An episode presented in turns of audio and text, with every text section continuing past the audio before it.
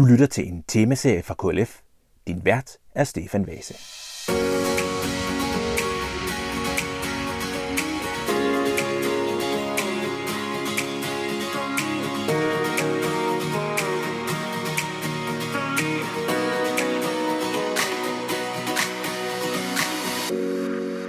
Jamen, jeg er taget til øh, Vandløse og sidder og kigger ud over et ingerområde sammen med dig, Isabel Arendt. Ja. Tak fordi jeg var komme. Jamen, det er mig, der takker. Øhm, du er øh, formand for Kristendemokraterne, og jeg skal ikke tale om en kvindes alder, men ifølge Wikipedia, så er du 27 år. Det er korrekt. det, det kan jeg godt bekræfte, det er godt. Øhm, vi skal have en samtale om tro og politik og misforståelser og fordomme, som du måske oplever som, som politiker foran for kristendemokraterne. Mm. Men, men, men, men, men først og fremmest så er jeg nysgerrig på, skal man være kristen for at være medlem af kristendemokraterne? Nej, man skal være kristendemokrat for at være medlem af kristendemokraterne, ligesom man formodentlig skal være socialist for at være medlem af Socialistisk Folkeparti. Øh, så, så det er en, en udbredt misforståelse, at mit parti skulle være en religiøs retning. Øh, og, og ganske enkelt mangel på politisk opdragelse, ikke at vide, at kristendemokrati er en ideologisk retning, der har eksisteret i århundreder. Stortrives i Nordeuropa. Øh, de fleste vil genkende Angela Merkels navn. Øh, hun er kristendemokrat, og, og det er der dog måske ikke nogen, der forventer, at man skal være kristen for at være kansler i Tyskland. Så, øh, så det er, jeg oplever det som, som sådan mangel på også uddannelse i vores samfundsfags undervisning og folkeskoler og, og mediedebat i al almindelighed, at vi har så mange øh, nyhedsformidlere i Danmark, som ikke er klar over, at der er en ideologisk retning, der hedder kristendemokrati, som ikke sætter sig ind i, øh, hvad det er, de rapporterer om, men, men lader sig styre af rigtig mange fordomme og rigtig meget uvidenhed, når de interviewer, også i en valgkamp, også når nationens fremtid er på spil og så videre. Mm. Øhm, og der møder jeg mange, som har lige præcis den fordom. Og, og man kan måske også, tænke, altså man kan lige så vel være ikke-troende i kristendemokraten, i et kristendemokraterne, som kan være kristen i alle mulige andre partier. Ja, det vil jeg forestille mig. Altså, jeg, jeg er ret sikker på, at det ville være ulovligt, hvis det er sådan. Jeg har ikke læst alle partiernes vedtægter, men jeg tror simpelthen ikke, at der står nogen steder i et vedtægt, at du skal have en bestemt religiøs overbevisning. Ligesom der ikke står i vedtægterne, at du skal have en bestemt øh, hudfarve, eller en bestemt øh, seksuel retning, eller et bestemt køn, eller andet. Øh, som dansker har du ret til at melde dig ind i det parti, du har lyst til og er enig med. Netop baseret på at være et parti, du er enig med, og ikke fordi du falder i en bestemt øh, demografisk kasse.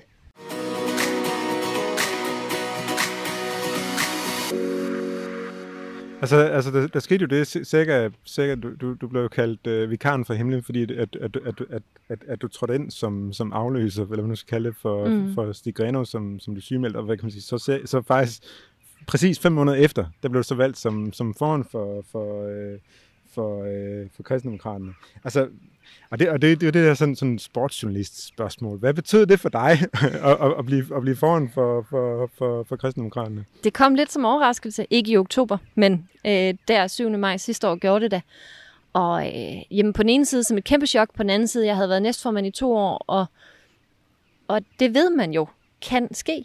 Altså, der er, vi er alle sammen almindelige fejlbarlige mennesker, og vi kan blive syge, og vi kan få stress, øh, og vi kan øh, ja, af forskellige uansagelige årsager kan man lige pludselig stå i en position, hvor man ikke kan passe sit arbejde. Og, og sådan er det jo for os alle sammen, så der vidste jeg jo på en måde godt, at risikoen var der. Det er klart, jeg havde ikke lige forudset, at det skulle gå, som det gik. Øhm, så betød det rigtig meget, at medlemmerne så i oktober efterfølgende valgte at, øh, at stemme på mig som formand også. Fordi indtil da gjorde jeg meget ud af, også over for medierne, som gerne ville kalde mig partileder, at sige, det er jeg ikke, jeg var fungerende partileder. Fordi partileder er noget, du skal vælges til. Mm. Øh, og det blev jeg ikke der i maj. Der trådte jeg ind som fungerende, og, og det er fint, og det er det system, man har med næstformand. Øh, men jeg synes, det betyder noget. Og det er ikke fordi, jeg synes, det betyder mere. Nu har jeg jo valg igen her til oktober, og øh, hvor jeg jo stiller op og skal genvælges som formand. Det gør vi hvert år. Øh, så det er ikke det, at jeg skal genvælges, er ikke nogen sensation i sig selv, men øh, jeg glæder mig øh, også til og, og håber, at, øh, at jeg bliver valgt der, fordi jeg vil ikke sige, at de købte katten i sækken sidste år. Det lyder også øh, forkert. Men, men alligevel så vejer den formand partiet nu en gang lige fik, og det gik heldigvis rigtig godt, og vi fik et fantastisk valg, og, og det har da nok hjulpet på stemmetallet i oktober efterfølgende. Men, men man kan sige, at til oktober har jeg været formand i et år. uden valgkamp i, i det, man ville politisk kalde, kalde fredstid. Ikke? Man har valgår og ikke valgår. Mm. Og, øh, og de har snakket med mig og samarbejdet med mig. Jeg har fået lov til at være leder i et års tid, og det at, at kunne blive genvalgt på den baggrund, øh, synes jeg næsten er, det er ikke en vildere oplevelse, men, men måske en for mig vigtigere øh, oplevelse på en eller anden måde, fordi så ved de, hvad de siger ja til, og siger mm. ja alligevel. Øh, ja. Og, og det, der kan jeg godt nogle gange føle, at, at jeg kom ind meget på et afbud sidste år, og er mm. mere landet i rollen nu, og har gjort den til min egen nu. Mm. Øh, hvor jeg ikke arver. Jeg arvede Justis kalender, jeg arvede hele valgkampen, og, og, og fumlede mig lidt igennem det i valgkampen. Altså der præsterede jeg heller ikke det bedste, jeg kunne, fordi jamen, debatterne var lagt an på, hvad Stig var god til, i stedet for, hvad jeg var god til. Øh, hele kampagneturen var lagt an på, hvor han boede, og ikke hvor jeg boede. Og sådan, så, så der var bare så mange benspænd i at arve mm. en andens kampagne. Øh, så det der med nu, øh, at stå i en position her et år efter, hvor jeg kan mærke, at nu er det, nu er det min måde at være formand på. Mm. Ikke nødvendigvis bedre eller værre end Stigs måde at være formand på, men bare min. Mm, ja. Øhm, og, og, og, det, og det kan godt være, at det, det er for tidligt at spørge om det, men, men, men, men hvad er det for et, for et aftryk, du håber på at kunne være med til at sætte på dit parti? For det første vil jeg jo gerne få os i Folketinget igen for første gang i mange år.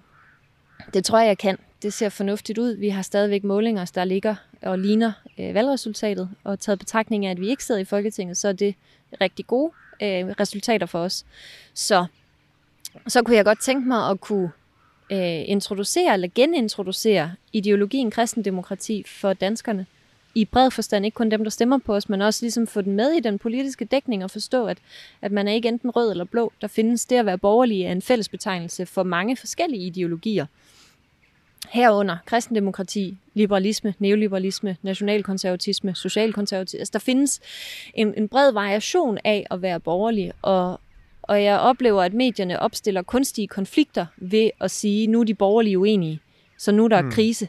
Og sige, det, er ikke en, det er ikke et krisetegn, at vi er uenige. Vi, vi repræsenterer en 4-5 forskellige ideologiske grundlag. Mm. Så vi er ikke enige om mm. alting. Og det, og, og, og, og, og det, det håber jeg ligesom ved at kunne få KD i Folketinget igen, ved at kunne have en, en forhåbentlig repræsenterer en, en øh, åh, det kommer til at lyde sådan lidt forkert, men, men altså en savlig, nuanceret, ordentlig debattone også, der gør, at det bliver lidt mindre fordomsfuldt, lidt mindre perfidt. Øh, ingen mudderkast helst. Ikke, øh, jeg har stor respekt for mine politiske kolleger som partileder for de andre partier. Hver en af dem, også dem, jeg er meget uenig med, øh, gør et godt stykke arbejde og gør deres bedste. Og øh, der håber jeg også, at man måske som en lidt yngre partileder og ny generation kan introducere et, et mere løsningsorienteret arbejdsmiljø i dansk politik og debatmiljø i dansk politik, øh, frem for øh, det meget konfliktfyldte, som har fyldt rigtig meget. Ikke her under corona, hvor vi lige, mens vi sidder her i nat landet, der er en klimaaftale, hvor alle undtagen et parti øh, var med til at skrive under. Og det er nye toner, og det synes jeg er befriende. Mm. Og, og, og det, kan, det, kan, det kan være, at vi lige skal prøve, prøve at vende, vende coronakrisen lidt, fordi altså, altså, der, der, der har der jo været en, en, en situation af, hvad kan man sige, som, som du siger, øh, borgerfred. Altså, altså, altså, der har været en stor sådan næsten national samling, som man ja. egentlig ser meget sjældent. Øh, men man kan sige, kristendemokraterne har jo ikke, har jo ikke øh, hvad kan man sige, sætte Folketinget og dermed været med til at hvad kan man sige, kunne, kunne, kunne præge den debat. Men, men, men, men hvad synes du sådan overordnet om, hvad kan man sige, den, den, den, de, form, de aftaler, der er lavet, også det her med, mm. at, altså vi ser et mere sådan normalt politisk billede nu? Jeg synes, det har været rigtig fedt at opleve, at partierne samarbejder, når det gælder. Altså det viser jo, at man kan, når man skal. Og, og det, er, det synes jeg, der er mange ting, vi har lært øh, her under krisen, at vi kan, vi kan, hvis vi vil. Så hele den der debat om, vi havde også foreslået minimumsnummeringer oppe, for eksempel, i valgkampen, og fik at vide af, af Socialdemokratiet, det kunne ikke lade sig gøre, for der var ikke voksne nok. Så det var ikke et spørgsmål om, at de ikke ville, det var et spørgsmål om, de ikke kunne indføre det, måtte man forstå sidste år. Øh, og nu er de jo faktisk indført mange steder som corona-special. Øh, og, og det beviser jo bare, at det ikke er et spørgsmål, om man ikke kan, det er et spørgsmål, om man ikke vil. Som alt andet i politik, er det et spørgsmål om prioriteringer. Øh, det er fair nok, hvis ikke man vil. Det kan jeg godt respektere, man siger, at man vil hellere bruge pengene på noget andet. Øh, men jeg synes, der er, at vi har fået det ud af det, at vi kan se et politisk virkelighed, hvor man kan meget mere. Altså, vi, vi lukkede Danmark ned, vi åbnede det igen, man brugte milliarder i hjælpepakker osv. Altså, øh, jeg håber, man applicerer den handlingsvillighed på klimadebatten, også på trivselsdebatter og andre debatter. Øh, jeg tager det med herfra i hvert fald, at man kan meget mere, end man mm. tror, politikerne kan, mere end de nogle gange vil være ved, øh, ja. hvor meget magt de faktisk har. Ikke? Øh, hvad kunne have været øh, kristendemokraternes aftryk i den debat, der har været nu? Øh, jamen, det som vi har fokuseret rigtig meget på, også i mediedækningen, selvom vi ikke sad i Folketinget, har vi heldigvis haft fri mulighed for at byde ind i debatten også. Og øh, det er jo også det med livskvalitet, som har været noget af det, vi har spillet rigtig meget på. Øh, på den ene side, den anden side har været øh, SMV'erne, altså små og mellemstore virksomheder, det decentrale erhvervsliv, iværksætterne osv., hvor, hvor en stor del af den økonomiske politik i første omgang handlede om de store fisk, eller hvad mm. man skal kalde dem, øh, i erhvervslivet, hvor vi var nogle af dem, der tidligt var ude og agitere for ikke at, hjælpe, altså ikke at glemme de små, fordi de har en mindre buffer. Altså, så kriser mm. rammer bare hårdere og mere katastrofalt på små virksomheder end på store virksomheder. Det kan godt være, at de store virksomheder taber flere penge, men de er ikke lige så lukningstroede i Mærsk, som man er hos den lokale kebab. Mm. Øh, altså, så øh, det var et af vores standpunkter, og, og det andet er, i forhold også til trivsel og livskvaliteten, hvor vi har fokuseret rigtig meget på at holde folk isoleret, og kan se nu her også, at det kan godt få, jeg frygter, at vi går ind i en mental krise på baggrund af den fysiske sundhedskrise, viruskrise, vi har været i nu. Fordi øh, rigtig mange mennesker har været ensomme. Øh, jeg frygter en stigning i depression og angst mm. øh, og mental lidelse fordi man har fokuseret rigtig meget på, at nu skulle man isolere i særligt øh, ældre, selvfølgelig udsatte borgere med forskellige sygdomme osv., men, men det at være isoleret med sin udsathed, eller isoleret med sin alderdom, eller isoleret med sin kroniske sygdom, er ikke nødvendigvis at gøre folk en tjeneste. Det beskytter dem for en konkret virus i corona, men det har nogle bivirkninger i form af angst og ensomhed, som kan tage år og komme ud af igen, hvis det for alvor kuldsejler i en depression eller andre øh, kliniske diagnoser. Så Øh, det, det synes jeg ikke, man i debatten, om man, altså om Socialdemokratiet eller regeringen eller partierne havde ageret anderledes, om vi havde ageret anderledes end det, der er blevet lavet nu, øh, har vi ikke beslutningsgrundlaget og forudsætningerne for at kunne pinpointe helt nej, konkret, nej, nej. hvad skulle man have lavet om. Mm. Men havde jeg siddet i forhandlingerne sammen med de andre, så havde jeg sikret mig, at når der kom hjælpepakker i økonomisk forstand, så blev der også nødt til at komme sociale hjælpepakker mm. for at afhjælpe den øh, altså de mentalt udsatte. For mm. dem har vi i virkeligheden slet ikke berørt. Mm. Øh, det gælder også kærester fra andre lande. Det gælder øh, fædre, der ikke kan være med til fødslen af deres børn, fordi at, at der er landegrænser imellem dem osv., som er en dimension, der øh, alt for sent eller slet ikke optrådt i debatten.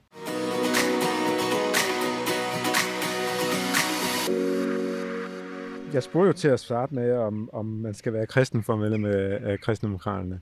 Øh, er det et spørgsmål, du får? Ellers? Ja, det er det virkelig.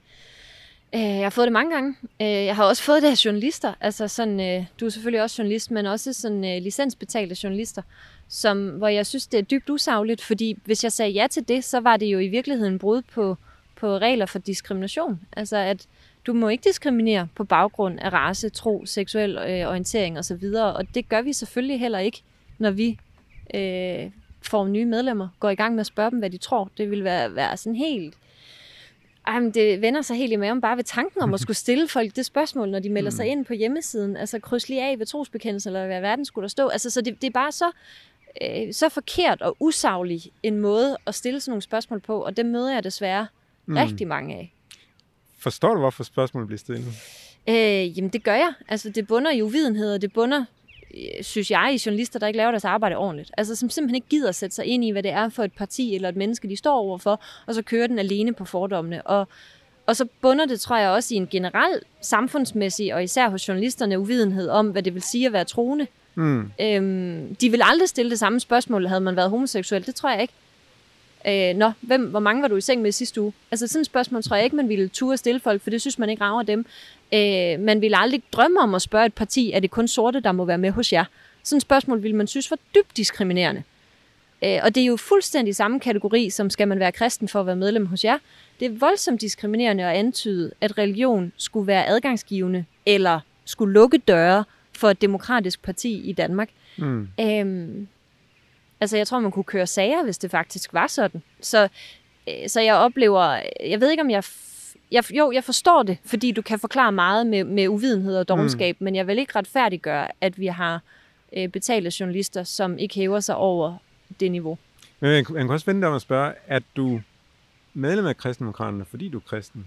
Det kan man bedre spørge om. Ja. Ligesom man ville og er du svar på det? Nej, det er jeg ikke. Jeg er medlem af kristendemokraterne, fordi jeg synes, vi har en god miljøpolitik. Dengang jeg meldte mig ind, var det derfor.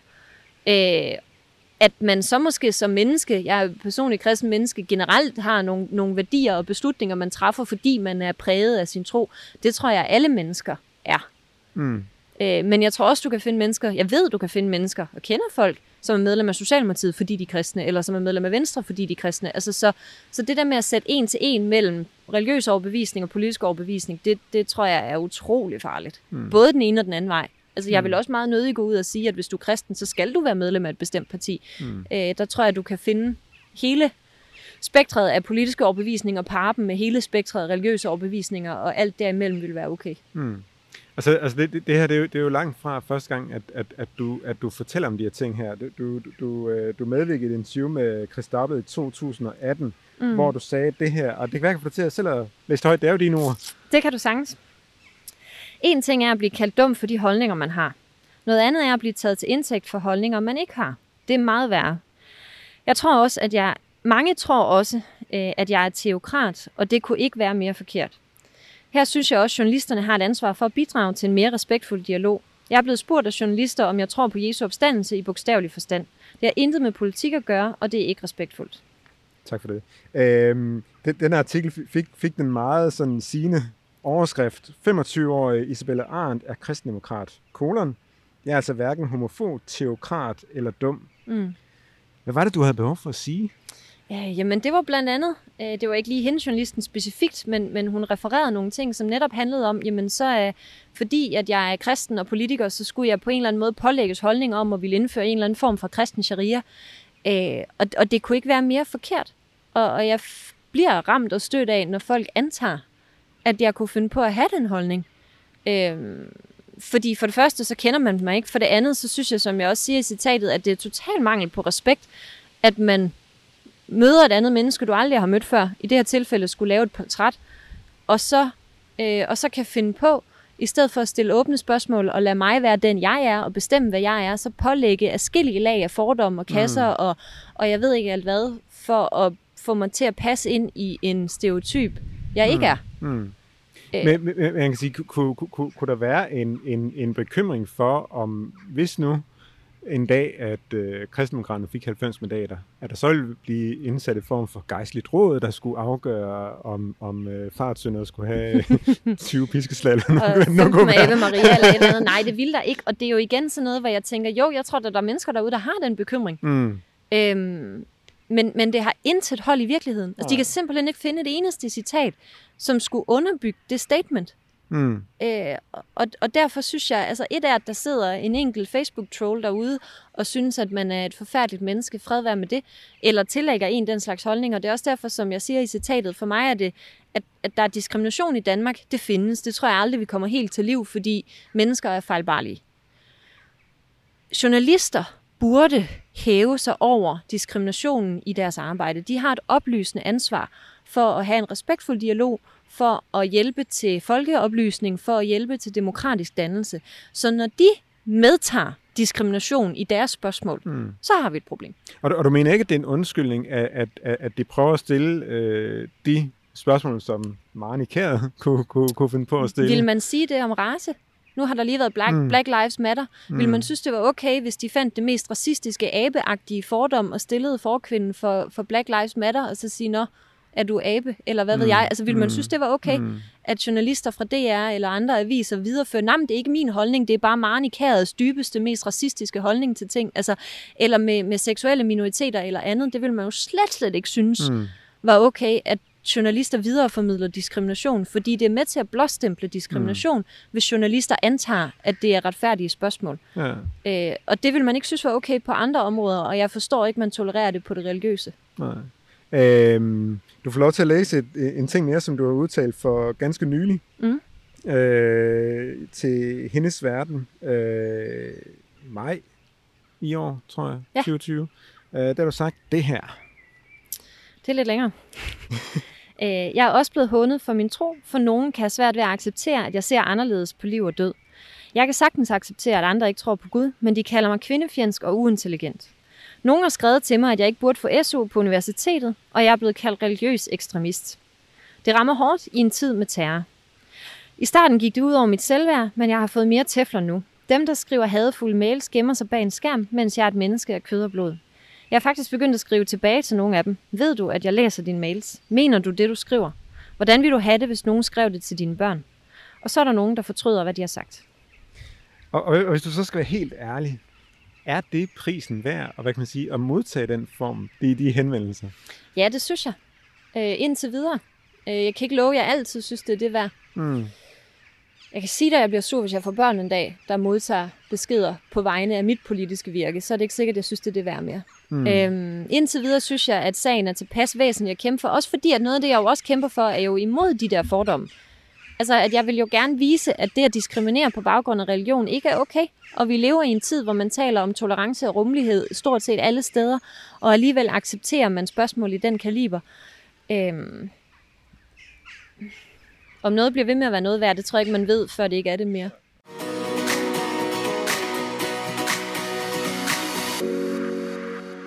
Øhm, altså, du, du, du, du har nævnt nogle, nogle eksempler af de her to, to citater på, hvad det er for noget, du møder. Hvad, hvad, hvad har du ellers af, af oplevelser, udsagn, du mm. møder fra, fra folk? Og hvad kan man sige, det er folk i almindelighed, vi skal, vi skal senere ja. snakke, om, snakke om medier. Men folk øh, i almindelighed. Jamen, for eksempel, mens jeg var studerende, var der en, der skrev det der til mig med, at han ikke synes, jeg skulle modtage SU, fordi som kristen havde jeg jo ikke, så troede jeg jo ikke på videnskab. På det tidspunkt arbejdede jeg som forskningsassistent på det analyseinstitut, og var, var dybt forankret i videnskabelige teorier. Øh, og, og det er ganske enkelt ikke rigtigt, at man enten tror på videnskab eller på en Gud. Der findes utallige mennesker, som sagtens kan kombinere de to, og sige, at videnskaben forklarer det meste, og troen forklarer resten.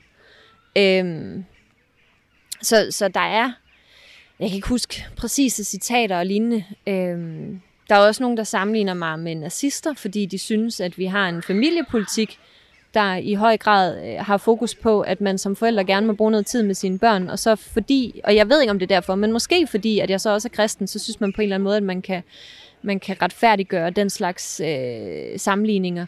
Der var en radikal europaparlamentariker, der under valgkampen skrev noget med kirke, kirke og kyche, altså sådan til vores familiepolitik, at jeg på en eller anden måde, hvilket er et citat, der stammer noget tilbage i Tysklands historie, Øh, som jo insinuerede noget med, at jeg på en eller anden måde skulle synes, at kvinderne skulle tilbage til kødgrødene, og kirken skulle bestemme alting. Ingen af delene er rigtigt.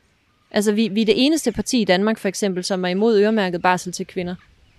Øh, så så det, der, der florerer nogle fordomme, hvor, man, hvor jeg oplever, at der også findes jamen, politiske kolleger og mennesker i almindelighed, som ønsker at placere mig i en rolle, der ikke passer, og som i høj grad er baseret på, at man ikke har nogen tolerance for forskellige livssyn. Mm. Ja. Øhm. Og, og jeg kan sige, i, i, i forhold til medierne, der, der, der, der, må, der må jeg nok erkende, at, at, at vi journalister nogle gange godt kan, kan, kan møde op til interviews med nogle specifikke antagelser om, om, om, om den person, vi nu skal møde. Det, det er jo aldrig noget, som, som journalister vil sige højt, men, men det kan nogle gange godt ske. Mm. Øh, og man kan måske også, hvad kan man sige, indbygge nogle, nogle præmisser i et spørgsmål, som simpelthen er forkert. Er det noget, du kan genkende? Ja, rigtig meget. Altså, øh, og, og jeg øver mig i at lytte efter præmisserne og prøve at skyde nogle af dem ned. Og så sige, det er ikke fordi spørgsmålet er forkert, det er fordi din præmis ikke holder. Jeg havde et interview, sådan to timers portræt på 24-7, dengang en ellers fantastisk kanal eksisterede. Øhm, hvor jeg kunne simpelthen mærke på journalisten, at hele hans manus var baseret på det faktum, at jeg var kristen, og så skulle resten af min livshistorie forklares ud fra den ene linse. Og, øh, og jeg kæmpede meget med ensomhed i gymnasieårene, og det ville han på en eller anden måde have til at hænge sammen med det. Og derfor var spørgsmålet lavet med en præmis om, at jeg var ensom, fordi jeg var kristen. Og det er ganske enkelt ikke rigtigt. Mm. Eller at jeg var ensom, fordi mine forældre skulle have været dårlige forældre, fordi de var kristne, hvilket heller ikke er rigtigt. Og i øvrigt er voldsomt diskriminerende, hvis man antager, at at man er værre forældre, fordi man er kristen. Øh, så så jeg, jeg oplever faktisk en del af det der med, hvor man har en præmis om, at hvis jeg er kristen, så har jeg én øh, dimension. Jeg har talt nogle gange med Øslem Sekik, som jo er bekendte muslim, og oplever noget af det samme, at så er hun muslimen. Og alt, hvad hun siger, er så repræsentanter for den muslimske tro, hvor, man, hvor hun også nogle gange har været ude og sige, prøv at jeg repræsenterer ikke den muslimske tro, jeg repræsenterer mig. Og dengang hun var SF'er, SF, øh, men lige nu er hun jo politisk uafhængig og repræsenterer bare sig selv.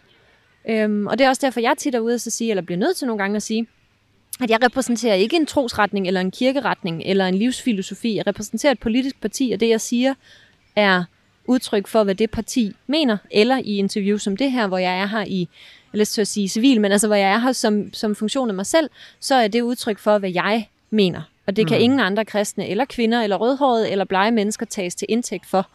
Øh, og der oplever jeg, at man har lyst til at proppe mig ned, især i en, i en religiøs øh, kasse, som øh, det sjove på, eller vi endte rigtig godt, journalisten og jeg, på 24-7, fordi han var selv af muslimsk baggrund øh, og etnisk øh, arabisk udseende.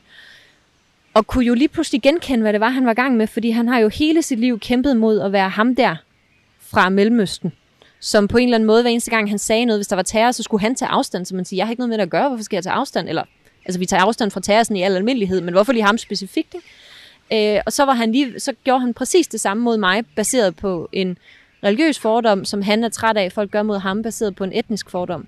Mm. Øh, og derfor endte interviewet faktisk rigtig fint med sådan en gensidig forståelse af hinanden, fordi vi begge to har oplevet det der med, om det er etnicitet eller religion eller, eller køn eller hvad det nu er. Så det at proppe mennesker i kasser og antage, at de har den ene dimension, som deres minoritet øh, angiver, er jo altid diskriminerende og aldrig fedt at opleve, mm. uanset på hvilken baggrund man gør det. Mm. Øh, så der var sådan lige sådan en fælles forståelse der i det, han havde gang i. Mm. Ja. Øh, men, men det, det kan godt være lige, lige, lige, lige for, for, for, for, for at blive, blive helt tydelig på det. Altså, altså, altså hvordan, hvordan oplever du egentlig generelt sådan at blive modtaget i, i medieverdenen?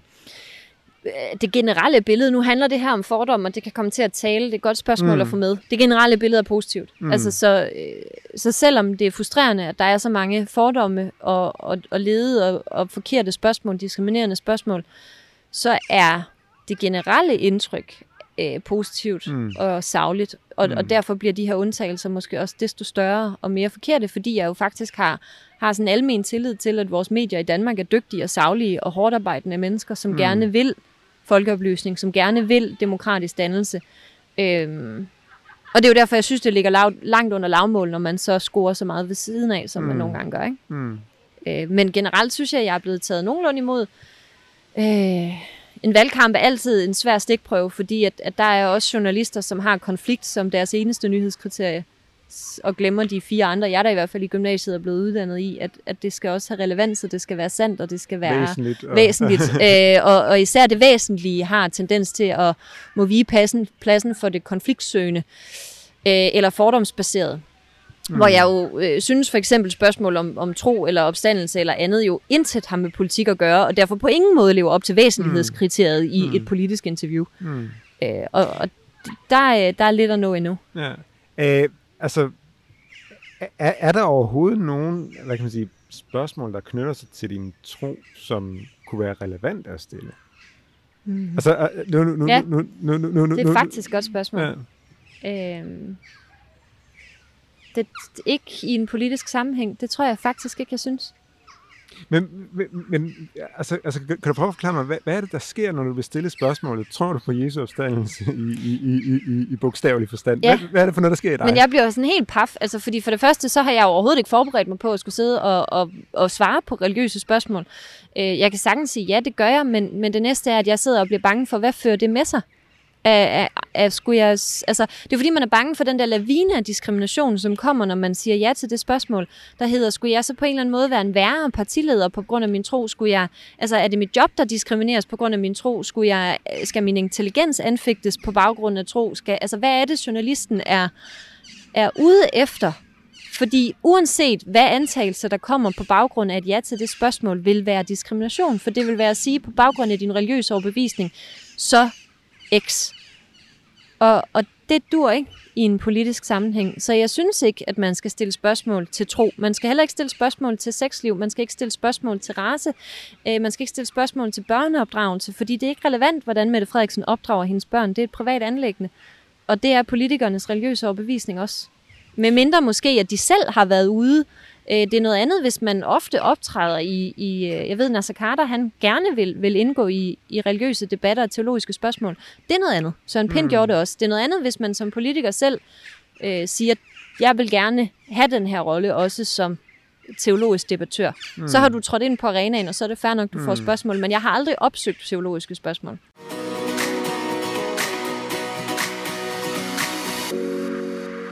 Så, så, så, så, så, så, så man kan sige, du, du, du siger det med, at, at, at, at, det, at det er et, et privat anlæggende. Øhm. I hvert fald skal man have lov til at vælge det af det. Mm, Fordi mm. jeg møder også mange kristne eller muslimer eller andre, for hvem det ikke er et privat anlæggende. For mm. hvem det er noget, de gerne vil tale om. Mm.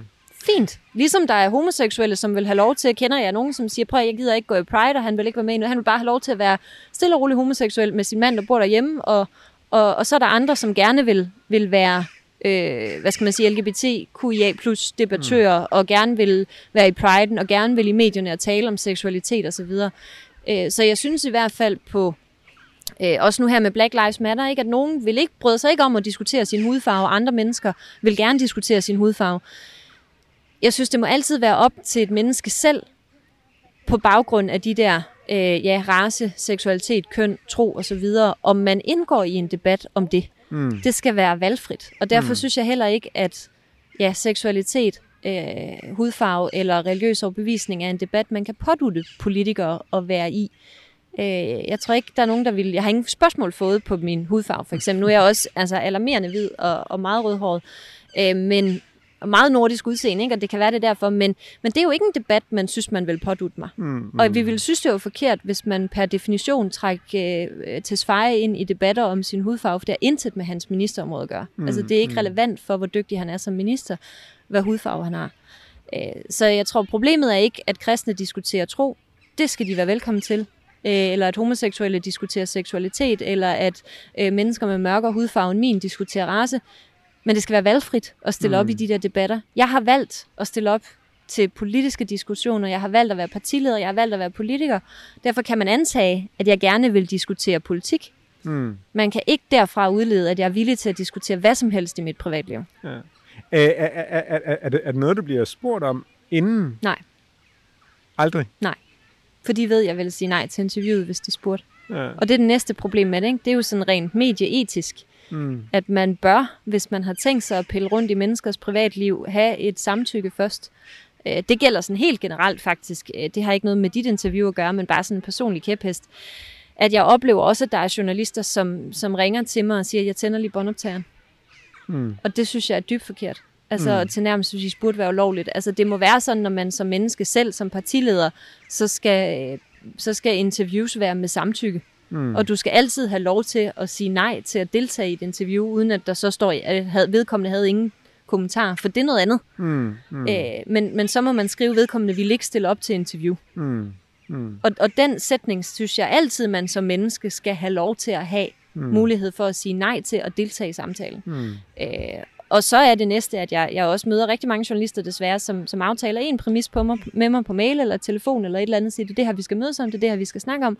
Og så de her religiøst øh, diskriminerende spørgsmål, de er aldrig med i aftalen. Det er altid nogen, der kommer som bagholdsangreb live mm. eller i interviewet hvor jeg så har valgmulighederne at indgå på en diskriminerende præmis, eller afbryde interviewet og fremstå som, som sådan en sur tvær et eller andet, der ikke er dialogsøgende. Og, og alt sammen, fordi en journalist har lovet for mig mm. i, hvad det egentlig er, de vil lave. Og man kan sige, det, det, det, det er jo en situation, hvor man kan sige, uanset hvad du gør, så kan du næsten kun tabe den Jeg situation. kan kun tabe den.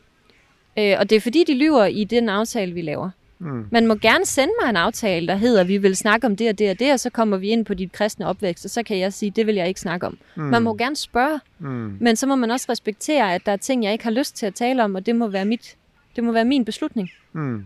Øh, hvor meget af mit personlige trosliv jeg vil dele med hele Danmark. Mm. Øhm, og, og det er der ikke særlig stor respekt for. Men det, men det er ikke fordi, du er ked af at stå ved den tro, du har, eller hvad? Nej, nej, nej. Det er fordi, jeg ikke synes, den er relevant for at kvalificere mig til mit job. Og det oplever jeg i en valgkamp, at den bliver brugt til. At det, at jeg er troende på en eller anden måde, der ligger en præmis om, at det, at jeg er kristen, skulle diskvalificere mig til at være en dygtig politiker, eller på en eller anden måde have noget at gøre med, hvorvidt jeg var en dygtig politiker eller ej. Mm. Og de to ting har intet med hinanden at gøre. Jeg bliver ikke en bedre partileder af at være kristen. Jeg tror ikke, man bliver en værre partileder af at være kristen. Mm. Der findes utrolig mange dygtige kristne politikere, og der findes utrolig mange dygtige ateistiske politikere. Mm. Så det, om man er i stand til at varetage et politisk embede, har ikke noget at gøre med, hvad man tror på. Og det er der, hvor jeg kan mærke, at jeg synes, det er forkert at spørge. Det er jo ikke, fordi det er nogen hemmelighed, hvad jeg tror. Det er, fordi jeg har rigtig svært ved at se, hvad relevansen er, at teologiske spørgsmål er i en politisk sammenhæng. Hvorfor er det vigtigt, hvor gammel jeg synes jorden er, når man vil have mig til at tage stilling til, hvor mange øh, voksne, der skal være i en institution? Altså, jeg, har, jeg kan simpelthen ikke se, og det har ikke noget med hinanden at gøre. Mm. Øhm, så, så det er jo fordi, jeg oplever det som diskrimination, og oplever det som en måde, man som journalist gerne vil udstille mig, enten som mindre dygtig, mindre intelligent eller et eller andet andet. Ja, ja, Fordi ja, hvad skulle ellers være argument? Ja, altså i virkeligheden er det nok, fordi jeg har rigtig svært ved at forstå, hvorfor man stiller spørgsmålet, og nogle gange vil jeg lyst til at spørge de der journalister, der gør det, hvorfor synes du, at det her spørgsmål er relevant? Og når jeg så siger, at jeg er kristen, synes du så, det har altså en, en opkvalificerende eller nedkvalificerende effekt på mine politiske evner? Fordi det er diskrimination, og det vil en journalist jo aldrig stå ved, og vil mod, aldrig svare på det spørgsmål. Nej, men det var ikke det, han mente osv., men, men det er det, der sker. Mm. Og, og det er et kæmpe problem, at mm. vi har øh, DR, TV2 og andre væsentlige medier i Danmark, som ikke kan finde ud af at forstå, hvad det er, de laver, når de stiller sådan nogle spørgsmål. Mm. Øh, tæ- tænker du, at det vil, være, vil det være... Øh, vi, vi snakkede lidt, om det, inden, inden, inden jeg trykker på optag, men, men, men, men, men, men tænker du, at det vil være øh, nemmere at være kristen i andre partier? Al- al- Altså, så, så vidt jeg husker, så er du både, du er både medlem af Socialdemokratiet og Radikal Venstre. Ja. ja. Øh, Altså, altså, det er ved at være længe siden, Det det, har jeg. jeg men, Og øh, men- det ved jeg ikke, om det vil være nemmere. Jo, jeg tror, den, altså, den almene journalist ved, hvad Venstre og Socialdemokratiet er. Så hvis man er medlem af dem, kan det være, at man får færre idiotiske spørgsmål baseret på, på ren uvidenhed. Altså, så måske, men, men det er jo bare ikke en måde at vinde kampen på. Fordi det her spørgsmål er også noget for, vil, vil du ikke lykkes meget bedre, hvis du melder dig ind i Venstre, og så slap du for alle de her spørgsmål og siger, jo, men, men det, så har jeg også givet op på at prøve at formidle, hvad kristendemokrati er i Danmark hvis jeg kapitulerer og melder mig ind i noget, som, fordi at jeg tænker, at jeg bliver nødt til at gå med på, på journalisternes øh, uvidenhed og køre efter laveste fællesnævner, så vi kan kun have to partier i Danmark, fordi det er det eneste, Hans Engel kan overskue i sin grafik. Altså, øh, det, er jo ikke, det er jo ikke måden at oplyse danskerne på, at jeg skal have mindre nuancerede holdninger for at tage hensyn til en journaliststand, som stiller idiotiske spørgsmål. Det må være den anden vej rundt, at jeg har nuancerede holdninger. Jeg tilhører en ideologisk retning, som ikke er en religiøs retning. Og, og det må veluddannede, licensbetalte journalister kunne forholde sig til, at der findes mere end to nuancer i dansk politik. Og så synes de, det er irriterende. Det er der nogen, der har sagt, at det er meget nemmere med blokpolitik. Ja, selvfølgelig er det nemmere. Censur, altså censur og diktatur vil være endnu nemmere, så slap du helt formet op på arbejdesød. Det er bare ikke et spørgsmål om, at du som journalist skal diktere verden, hvordan den ser ud, og så gøre den så simpel, at du gider dække den. Du skal dække de nuancer, der er, og den kompleksitet, der er, og de uenigheder, der er. Og det er mig som politiker, der bestemmer, hvad politikerne mener, og hvor mange ideologiske retninger, der er repræsenteret i Danmark. Ikke journalisten. Og så er det hans faglige opgave at finde ud af, hvordan man dækker så mange nuancer, og så mange partier, og så mange forskellige holdninger på en samfundsopbyggende, øh, folkeoplysende måde. Og det må hans faglighed stå på mål for. Øh, så, så det er jo fordi, jeg ikke føler, at det er mit ansvar at gøre mig dum nok til, at journalisterne kan finde ud af at dække det.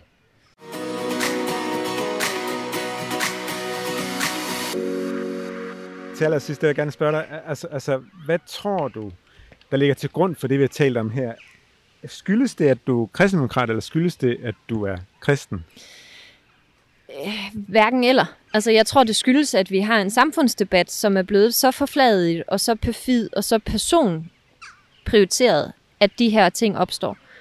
I den perfekte verden ville journalister på DR, TV2 og de større landsdækkende aviser vide, hvad kristendemokrati var. Og det, at man var et kristendemokratisk parti, ville ikke være noget mærkeligt. Man ville sammenligne med, med CDU i Tyskland, eller KF i Norge, eller kristdemokraterne i Sverige. Og så ville man kende den ideologiske retning og behandle det på en savlig og ordentlig måde. Øh, I den perfekte verden diskriminerede vi ikke mennesker på baggrund af to, og så var det ikke noget problem, hvad jeg troede på, og det var aldrig relevant i et interview, hvad jeg troede på, medmindre jeg selv åbnede den pose. Øh, men det er jo ikke der, vi er. Vi har lige set Black Lives Matter rulle, rulle over skærmene alle steder, og det beviser jo bare, at vi lever i et land, hvor man diskriminerer. Ikke bare på baggrund af tro, som vi har talt om i dag, men også på baggrund af hudfarve. Og i den perfekte verden var det aldrig nødvendigt med Black Lives Matter demonstrationer. Det var aldrig nødvendigt at tale om hudfarven på tv-værter osv. Men det er det. Fordi vi er ikke der endnu, åbenbart, hvor vi kan se mennesker for det, de siger, de er, i stedet for det, vi synes, de ligner. Så man kan sige, i, i virkeligheden så, så bunder det her i, at, at, øh, at, at vi journalister måske skal til at forberede os lidt bedre på de Ja. personer, vi skal ud og møde. Helt bestemt. Altså, man bliver simpelthen inden, kære journalist i Danmark, næste gang du stiller mig et spørgsmål om, hvad KD mener, så tjek kd.dk og ikke Wikipedia, hvordan vi opstod for 50 år siden. For ligesom alle andre partier i Danmark har vi rykket os på 50 år. Vi har ikke længere en politik om porno. Øh, vi blev jo ikke stiftet på baggrund af porno kun. Vi har øh, afskillige forskellige politiske mærkesager i vores første stiftelsespapir, hvilket ingen journalister har læst, fordi de har virket til at have læst den første halvanden sætning, der kommer øverst på Google, når man googler mit navn, mm. eller KD's øh, partinavn. Så, så jeg synes i al almindelighed, må det være god journalistisk praksis, at før du interviewer et menneske, så laver du jeg siger ikke, du skal bruge flere år på det, men, men prøv at give det en kvalificeret time eller to på KD's hjemmeside, så mm. er man bedre rustet end 85 procent af de journalister, jeg har mødt mm. i løbet af en valgkamp. Og der er måske, der er måske også den pointe, som, som der også er givet udtryk for, at øh, kristendemokraterne er ikke en en kirke, du er ikke teolog. Altså, der, der, der er en masse spørgsmål, som, som måske ikke giver mening at stille dig, men som Præcis. man kan stille måske jo, men, en biskop men, eller Men ja, andet. altså opstandelse og skabelse er udmærket spørgsmål at stille mm. en præst. Jeg er mm. bare ikke præst, og jeg har aldrig meldt mig i koret af teologiske debattører. Øhm, så møder jeg nogle journalister, som siger, at hvis ikke vi spørger om de her ting, det er jo der, I skiller jer ud. Det er jo bare faktuelt forkert. Altså for det første er der kristne i samtlige partier i Danmark, som i så fald skiller sig lige så meget ud, som jeg gør, men ikke får de samme spørgsmål. For det andet, så hvis man læste vores hjemmeside, ville man opdage, at vi har rigtig meget politik på øh, kernekraft, øh, selvstyrende folkeskoler, alt muligt andet. Øh, det eneste parti, for eksempel, som jeg sagde tidligere, i forhold til øremærket barsel og så videre, hvor vi skiller os markant ud fra de andre partier, og som vil være... Det er ikke fordi, man ikke må være kritisk, man, må ikke, altså, man skal være kritisk journalist, man skal gøre sit arbejde ordentligt, men så stille spørgsmål til den politik, som jeg har sat mig i spidsen mm. for at repræsentere, og så vil jeg forsvare hvert et bogstav og modtage hver eneste spørgsmål, som handler om det, vi går til valg på. Mm. Det er relevant i en valgkamp. Mm. Og der må man spørge om alle de politiske emner, øh, man kan komme i tanke om. Det er ikke dem alle sammen, jeg ved noget om, men, men jeg kan svare så godt, jeg kan på det meste. Øh, så, så, så der er jo masser af journalistisk stof at tage fat i. Øh, så jeg oplever det også netop som diskrimination, og i bedste fald dogenskab, at journalisterne simpelthen ikke enten er dygtigere, øh, eller ikke gider. Hmm. Så, så man kan sige, et spørgsmål, der måske kunne give mening at stille her på faldrebet, det er, i stedet for at spørge dig, øh, hvor, hvor gammel er jorden, så måske spørge dig, skal stat og kirke adskilles? Det, det, det, vil, det vil være spørgsmål. et politisk spørgsmål. Hvad vil du svare? Øh, nej, det synes jeg ikke, de skal. Jeg synes, vores folkekirke har en almen dannende og kulturel og, øh, og teologisk opgave i vores i vores land. Man kunne også spørge, hvad vi mener om kristendomsundervisning i folkeskolen. Det må man gerne spørge om. Det er ikke øverst på min prioriteringsliste, og det vil man nok kunne mærke på mig i en valgkamp, at jeg hellere vil tale om noget andet, men, men det vil være et politisk spørgsmål. Øh, hvad er præsternes rolle i den offentlige debat? Vil være et politisk spørgsmål. Øh, ytringsfrihed i kirken kunne være et politisk spørgsmål. Øh, skal navneregistreringen foregå i, i, i en, i en øh, religiøs sammenhæng? Vil være et politisk... Altså, så der findes jo, hvis man gerne vil have den debat, om, hvad er, øh, hvad er kirkens rolle i Danmark. Det kan man jo sagtens gøre på et grundlag, hvor jeg kan få lov at forsvare vores politiske holdninger som parti, og ikke blive øh, udfrittet på baggrund af personlige holdninger og, og teologi. Om jeg så ville sige ja til interviewet, der kun handlede om kirke og stat, øh, det er et andet spørgsmål. Men, men det vil i hvert fald være relevant og færre at stille spørgsmålet. Godt. Du skal tak for din tid. Selv tak.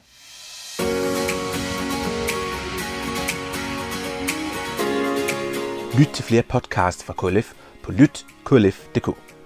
Har du lyst til at deltage i debatten om medierne, kan du følge os på Facebook. Du kan også reagere på programmer fra radio og tv på vores hjemmeside klf.dk.